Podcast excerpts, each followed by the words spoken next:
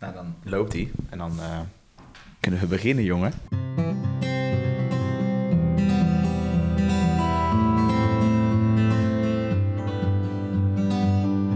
Nederlandse wijn.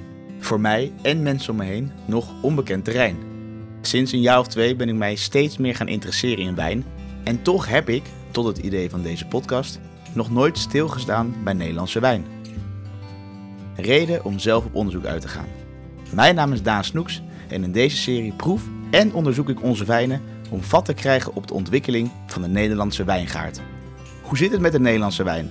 Waarom kunnen wij hier wijn maken? En wat beweegt de Nederlandse wijnboer om in ons regenachtige kikkerlandje druiven te verbouwen tot deze goddelijke drank? Je hoort het in Wijn van Eigen Terrein. Aflevering 1. Wat zit er onder de kurk?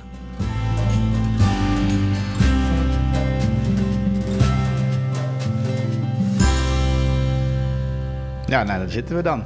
Ja, Wij gaan op zoek. Nou, we hebben, laat ik zo zeggen, we hebben beide heel veel met wijn. heel veel met wijn. Eh, maar eh, eigenlijk weten we nog heel weinig van al deze kennis die je van wijn kan hebben. Weinig, ik vind het leuk. leuk, Weinig, leuk ja. Toch een leuke woordspeling. Ik zit aan de keukentafel bij Boris thuis. We hebben samen in de horeca gewerkt en als barman kwamen we zodoende ook in aanraking met verschillende soorten wijnen. In het begin hadden wij er nog maar weinig kaas van gegeten, maar toen we er door wijntrainingen meer over leerden, raakten wij ook enthousiaster. En nu zijn we beide liefhebber, maar nog lang geen experts. Alhoewel Boris onlangs zijn eerste wijndiploma heeft gehaald. Hier voor ons staat een Puglia. Ik neem aan, Puglia dus Italië. Jij wil vast wel een druppie? Ik uh, lust wel een druppie, ja.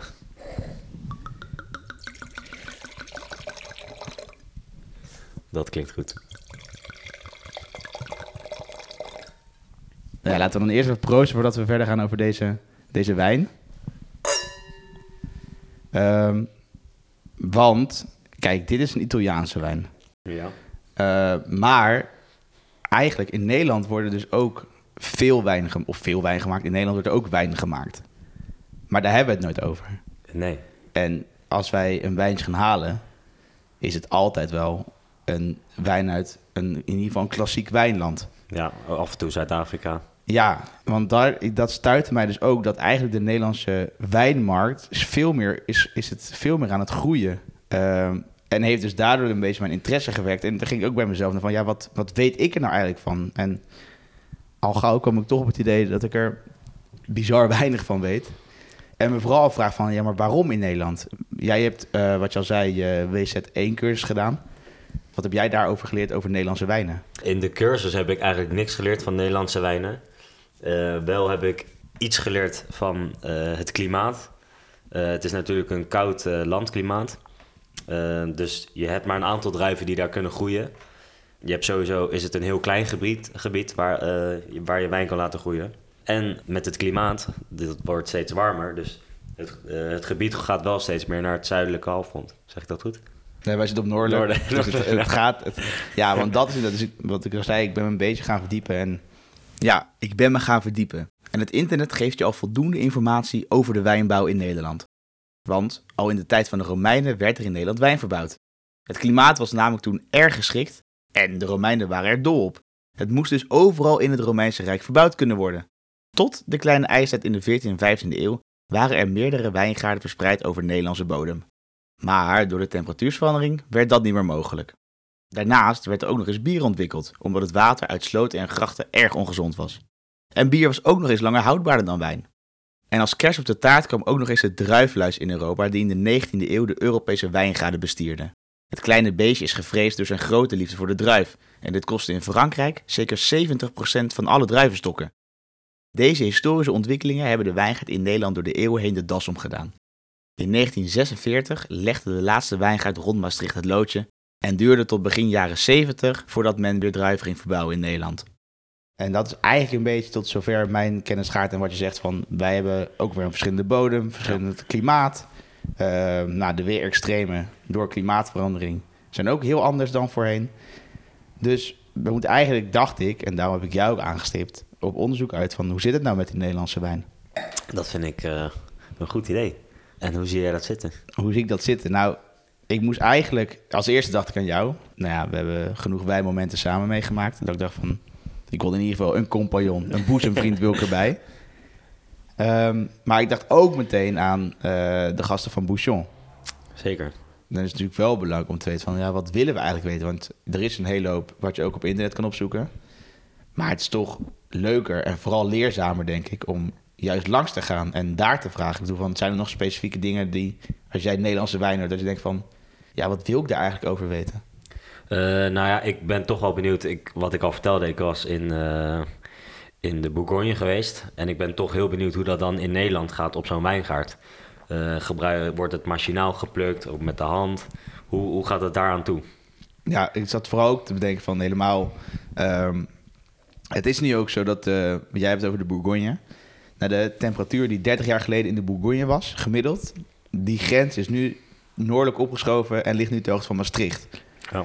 Dus mijn vraag vooral is, helemaal met die klimaatverandering en die extreem die we hebben, van hoe, hoe gaat zo'n wijnboer daarmee om? En hoe zorg je er dan toch voor dat je die goede wijn kan produceren? Dus ik denk dat dat gewoon later in dit onderzoek goed is om te vragen van hoe gaat de wijnboer daarmee om? Maar we moeten toch eerst echt gaan beginnen met waarom wordt er in Nederland wijn gemaakt en wat houdt de Nederlandse wijn in? Ja,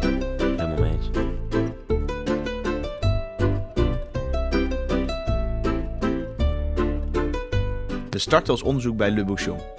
Le Bouchon is sinds 1976 een begrip in Den Haag.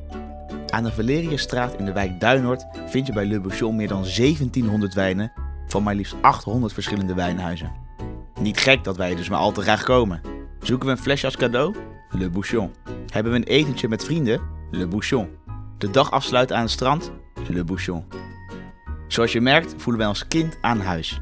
En andersom vinden Erik Keizer en Erwin de Cler het altijd leuk als wij er zijn.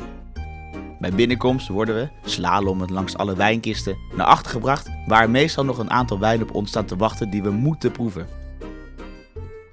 Wat kunnen zij ons vertellen over de Nederlandse wijn? En vinden we tussen alle wijndozen en flessen ook een Nederlandse wijn?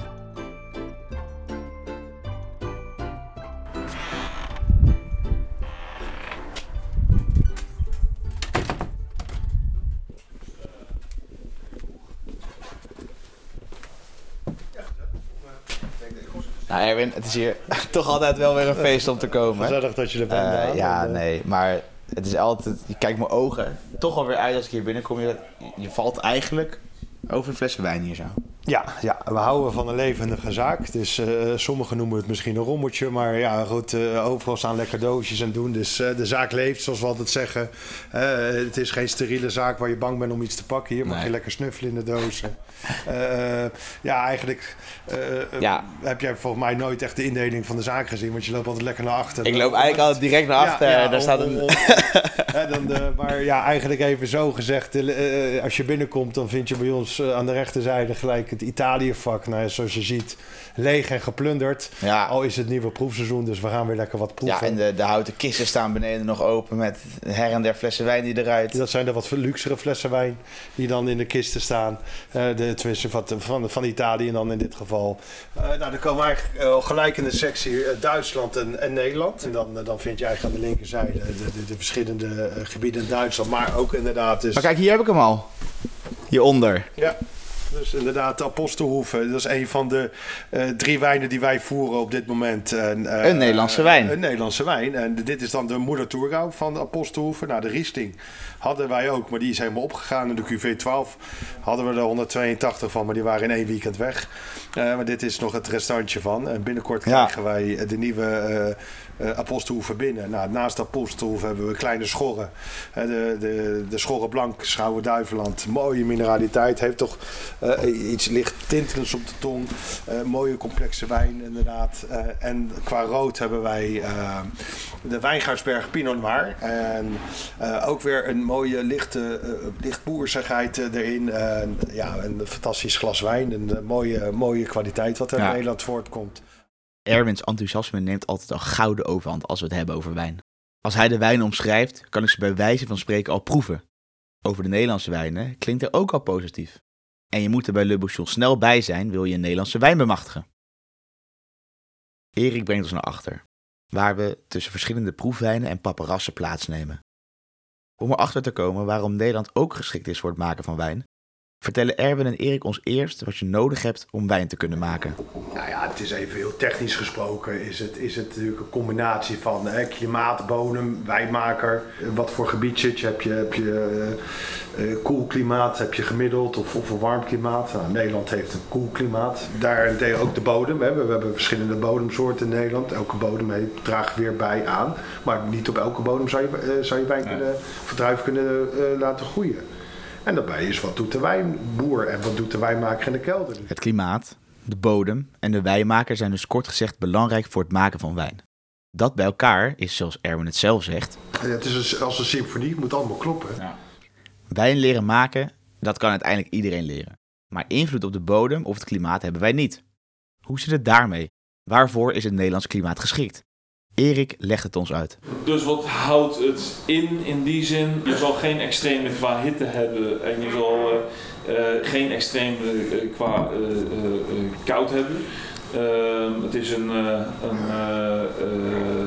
klimaat wat overal goed is voor witte wijnen. en daarbij, als je dan rode wijnen hebt, dan zal het sneller een, een Pinot Noir, misschien een Cinzo zijn. Schuift dat al meer op qua door klimaatveranderingen? Ja, je ziet het in Nederland. Uh, voor een wijngaard is, is een gemiddelde temperatuur over de hele jaar. Ja. In een koel klimaat 10 graden. En dan rijpen de druiven maar net. In Nederland is dat 10,5 graden. Als je kijkt voor de jaren 90, ongeveer 8,9 graden. Uh, dus dat is behoorlijk gestegen de laatste decennia, 30 jaar ongeveer. Toen, zaten we eigenlijk, toen was het te koud. Dus 30 jaar geleden werd er wel wijn gemaakt. Alleen eigenlijk was het te koud. Dus je hebt echt druiven nodig die koel klimaat hebben. En sommige druiven rijpen maar net. Een warm klimaat is dus het best voor de druif om goed te kunnen rijpen. De suikers worden dan sneller omgezet in alcohol. En hoe meer suikers er worden omgezet, hoe hoger het percentage alcohol van de wijn is. Voor de wijnboer dus van belang wanneer de druif geplukt moet worden. Pluk je hem vroeg, pluk je hem laat. Uh, hoe vroeger je hem plukt, hoe meer behoud van zuur je hebt. Alleen dan is de vraag weer, is het een volledig rijpe druif je al dan niet? De timing van de plukken is dus van belang voor de smaak van de wijn. Maar dat is nog niet alles. Welk soort druif je gebruikt is ook belangrijk voor de wijn. Maar daar komt Erwin later op terug. Want naast het klimaat, de druifsoort en de wijnboer zelf, had Erwin het eerder ook over het soort bodem. In Nederland je hebt eigenlijk vijf bodemsoorten. Dat is zeeklei, dat is veen, rivierklei, zand en leus. Leus is eigenlijk een hele fijne zandbodem. dat is eigenlijk een hele goede bodem voor, wijn ook. Vind je veel ook in, in Limburg. Oké, verschillende soorten bodems. Zeeklei aan de kust, veen- en rivierklei meer in Midden-Nederland lijkt mij, en lus in Limburg.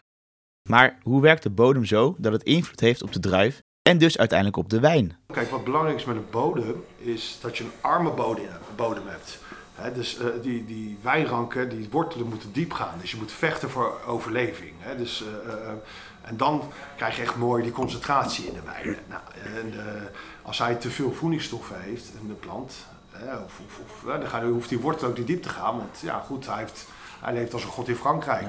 hij gaat zich ook niet richten op de voortplanting druiven, dat is de voortplanting van de wijnrank. Dan gaat hij bladeren aanmaken, dan gaat hij lekker losbandig leven, even zo gezegd. Hè. Dan krijg je wel wildgroei en ja, het, het leven is goed. Dus uh, hij hoeft zich niet uh, zorgen te maken om de, om de voortplanting. Dus die druivenrang mag echt even lekker... Ja, stressen, stressen, ja, stressen. Ja, want dat is goed. En het grappige is ook weer, die bodems, dat, zal, dat geeft toch weer een andere smaak af dan als jij Sauvignon Blanc hebt uit, ik noem even wat, uit uh, Schouwen-Duiveland, van de kleine schorren, ten opzichte van Limburgse Sauvignon Blanc, zal er toch weer verschil in zitten. En dat heeft weer met de ondergrond te maken. En dan aangekomen bij de druif. Er zijn pakweg wel 10.000 druivenrassen. Voor de wijnbouw worden er daarvan slechts 1400 gebruikt. Door ons koele klimaat kan niet elke druif hier goed gedijen en vind je in de Nederlandse wijnbouw een stuk minder rassen. Nou, in Nederland, uh, dus hier, laat ik het zo zeggen, de meest voorkomende druivenrassen. Ja, het is een arsenaal, maar dan praat je wel over uh, ongeveer 30 uh, verschillende druivenrassen. Ja. Ik zal ze niet allemaal opnoemen, want dat is een arsenaal aan. Waar veel bekende, ook een internationaal uh, erkende, maar ook inderdaad hybride druiven komen voor in Nederland. Die dus ook resistent zijn tegen bijvoorbeeld schimmels, uh, waar Nederland natuurlijk last van heeft, omdat het uh, ook nog natuurlijk in, in de herfst vochtig kan zijn. Dus dat heb je ook weer. Wat is de meest voorkomende druif in Nederland? Eh, qua... eh, Dat is goeie. dat is wel een hele goede vraag. Eh, wat zie je heel veel? eh, je komt Ozoa tegen, Pinot Blanc. Maar je komt bijvoorbeeld eh, Riesling ook. Wat je ook veel ziet is Souvenir Gris. Dat is ook een, een, een, een, een, kruising tussen. Dat, zie je ook wel eh, meer verschijnen. Ja. Eh, Solaris.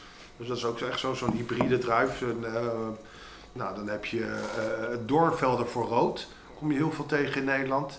Heel veel van deze druiven zijn ook in het instituut gecreëerd. Maar je hebt het nu over creëren, dus het echt het combineren van Ja. druivenras A en druivenras B. Juist. Ja.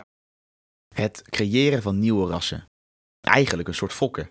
Je hoorde Erwin het al een paar keer hebben over hybride rassen. Om te weten wat hybride rassen zijn, is het belangrijk om het verschil tussen druivensoorten en druivenrassen te weten. Met druivensoorten bedoelen we de stam van de druivenrank. Hieruit groeit uiteindelijk de plant met de druif.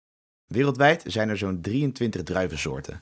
17 hiervan komen uit Noord-Amerika en wij hebben slechts één Eurasiatisch soort. Dat Eurasiatische ras is wel meteen de belangrijkste, want de druiven die uit Amerikaanse stammen komen zijn doorgaans niet al te best voor de wijn. Maar die Amerikaanse onderstam zijn wel weer enorm belangrijk voor onze wijngaard. Hoe dat zit? Onze Eurasiatische onderstok kan niet opboksen tegen de druifluis. En die Amerikaanse krachtpatser kan dat wel.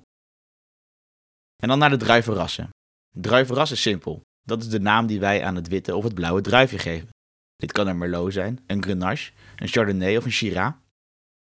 Om in Europa wijn te maken willen we dus onze eigen druivenrassen, maar dan op een Amerikaanse onderstam.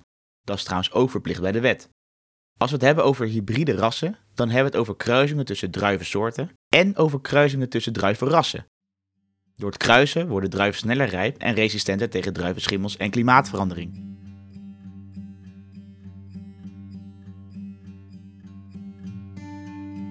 Aan de tafel bij Le Bouchon worden we steeds meer bijgepraat over het wijnmaken. De invloed van het veranderende klimaat, de verschillende soorten bodems die we in Nederland hebben, de invloed daarvan op de wijn en de verschillende soorten druiven. Blijft het daarbij? Ik ben wel benieuwd naar die, eh, of Nederland ook eh, van die keurmerken heeft. Je hebt eigenlijk twee keurmerken in Nederland. Het is de BGA en de BOB. Eigenlijk kun je dat dus zien, vergelijken met wat de Franse appellation origine protégée noemen. Kortweg AOP, wat vroeger AOC was. Eigenlijk dus een appellatie is een juridische term. Hè? Dus er moeten bepaalde eisen zijn voor dat gebied waar de druiven eh, groeien. Welke druif je mag gebruiken. eh, hoeveel hectoliter je mag maken bijvoorbeeld. Eh, dus dat zijn allemaal strenge voorschriften. Nou, een BGA is een beschermde geografische aanduiding. En de nog betere, dat is de BOB en dat is de beschermde oorsprongsbenaming. Dus dat is het hoogste Nederlandse kwaliteitskenmerk. Dus je hebt er twee. Hè, dus wat algemener is de BGA, dus de bescherming geografische aanduiding. En 78% van, in 2018 van de Nederlandse wijn was een BGA. Het is eigen gangbare naming, benaming is een landwijn. Elke Nederlandse provincie heeft een BGA. Alleen de BGA is dus inderdaad wat eenvoudiger eenvoudiger dus dan de, dan de BOB. En BOB houdt dus echt in.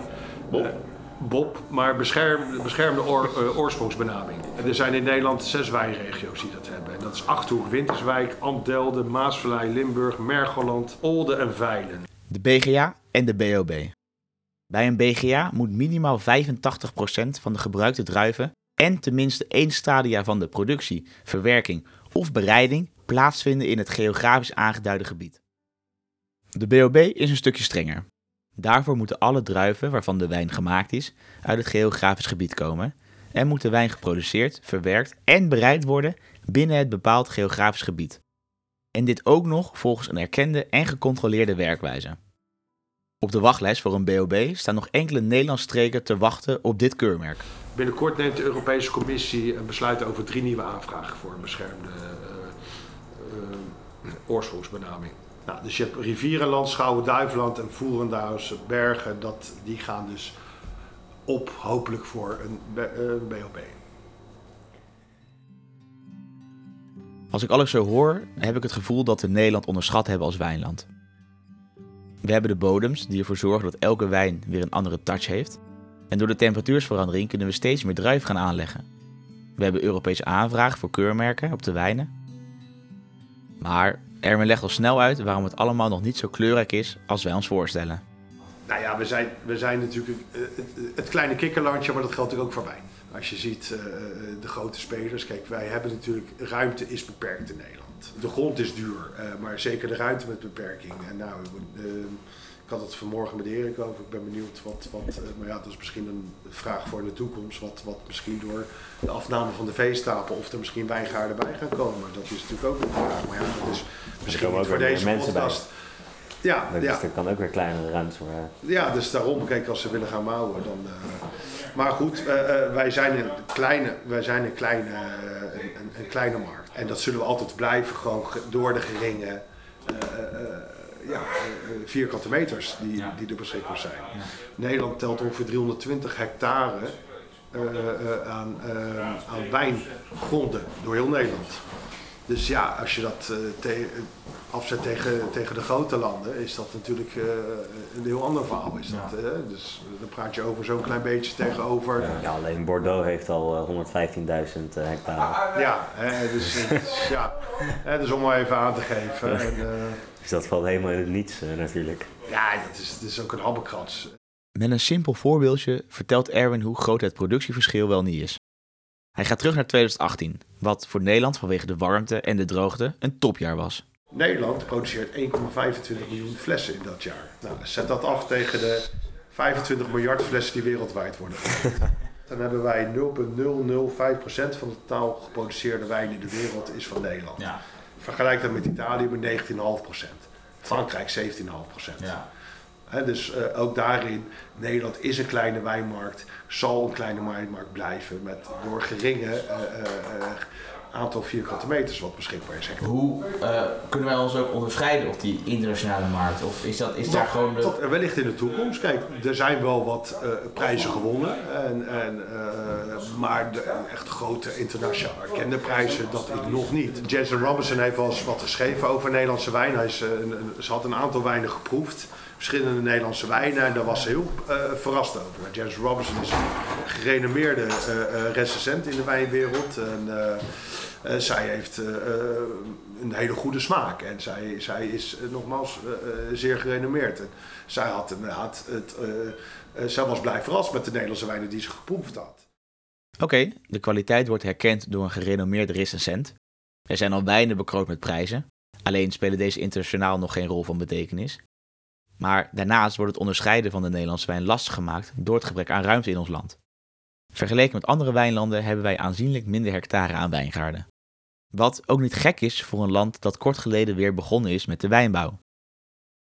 Als de kwaliteit er is, maar het schort aan de productiecapaciteit om internationaal mee te doen, Welke groei zit er dan eigenlijk in de Nederlandse wijnmarkt? Het zal nooit uh, uitbundig worden qua, qua hoeveelheid. Want ja, je praat misschien over 200.000 flessen uh, wat misschien gemaakt wordt. En dan praat je misschien over een apostelhoeven wat, die veel terrein heeft.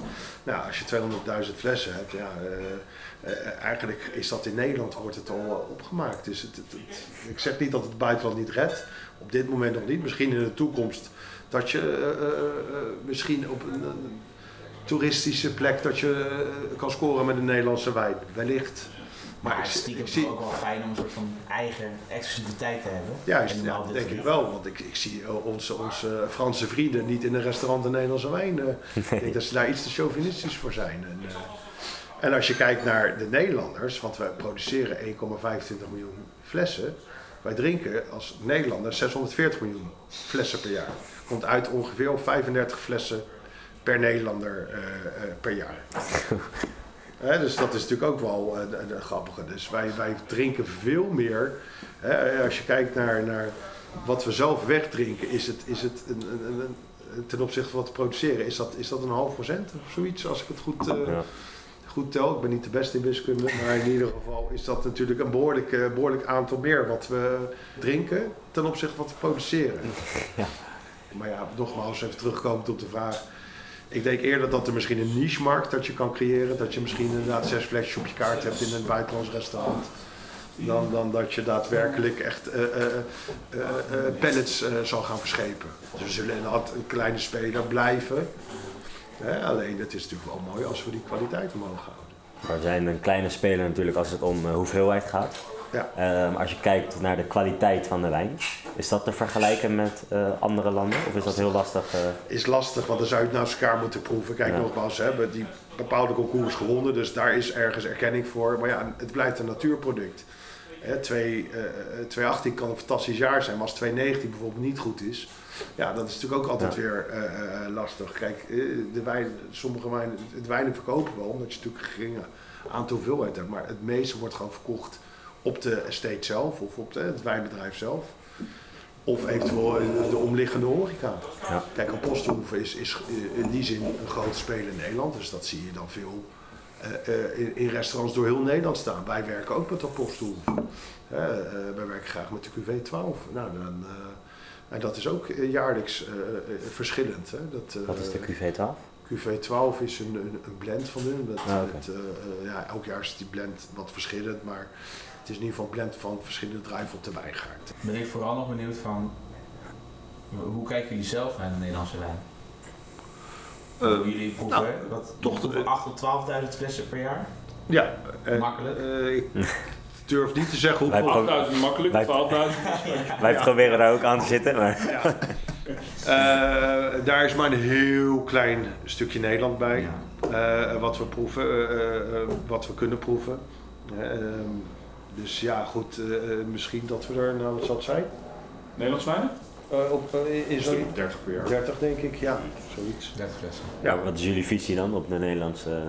Nou ja, het is sowieso interessant. Het is natuurlijk ook een stukje trots als iets uit Nederland komt. Alleen, eh, op een gegeven moment krijg je natuurlijk wel een discussie van wat, hoe zit het prijs-kwaliteit in elkaar. Hè? Omdat het natuurlijk... eh, Het wordt beter. Ja.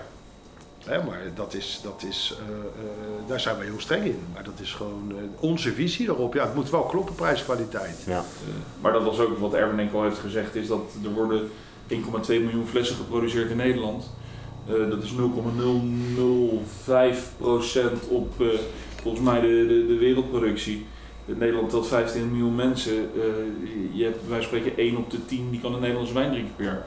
Nou, die- dat gaat wel op. En eh, als wij het hebben, eh, het gaat straks naar de Tweede Kamer waar we het eh, schenken, of in ieder geval waar we het op de kaart laten zetten. En eh, de rest wordt binnen een week, twee weken door klanten opgespeerd. Iedereen wil toch wel een doosje appelstoel hebben. Ja. En of het nou 20 euro kost of die 15 of eh, 25. De meeste maakt het niks uit. Omdat het van Nederlandse bodem is. En je wil, als je bekenden over de vloer hebt, het laten proeven van... Nou, Nederlands wijn is toch wel lekker. En dat is wel waar. Prijskwaliteit is altijd weer de vraag. Want eh, als je het naast eh, blind, naast andere wijnen uit het buitenland zet, dan zal het altijd verliezen. Ja. Op dit moment in ieder geval. We praten en proefden nog even door. Bepakt met nieuwe informatie en nog een wijntje voor onze ouders thuis, keren we huiswaarts. Tijd om samen alles op een rijtje te zetten hebben we helaas niet, want Boris moet er alweer vandoor. Kort samengevat maken wij in Nederland mooie wijnen. En afhankelijk van de bodem heeft de wijn weer haar eigen smaak. Maar we blijven, zoals Erwin al zei, een kikkerlandje. We doen leuk mee, maar groot zullen we niet worden. Daarvoor zijn we te kort bezig en missen wij de ruimte om hectares vol met wijnranken te planten. Het zal eerder een niche-markt blijven, waar je er snel bij moet zijn om een Nederlandse wijn te bemachtigen. Om ons toch kennis te laten maken met de Nederlandse wijn, opent Erik op het einde een schouwe druivenland blanc van Wijnhoeven de Kleine Schoren in Zeeland. Na het nemen van de eerste slok wisten wij meteen wat de volgende bestemming van ons onderzoek zou zijn. En welke druivensoorten gedijen nou het beste op, op deze grond, op jullie grond? Ja, die we hebben staan natuurlijk. Hè. En dat zijn? We hebben hier vier basisdruivenrassen.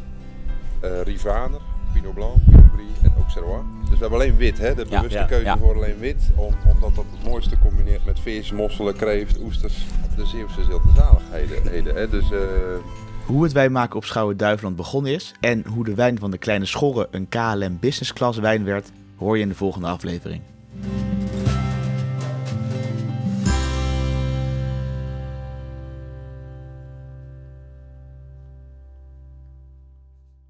Deze podcast is gemaakt door Daan Snoeks, met dank aan Boris van den Berg, Erik Keizer en Erwin de Cler.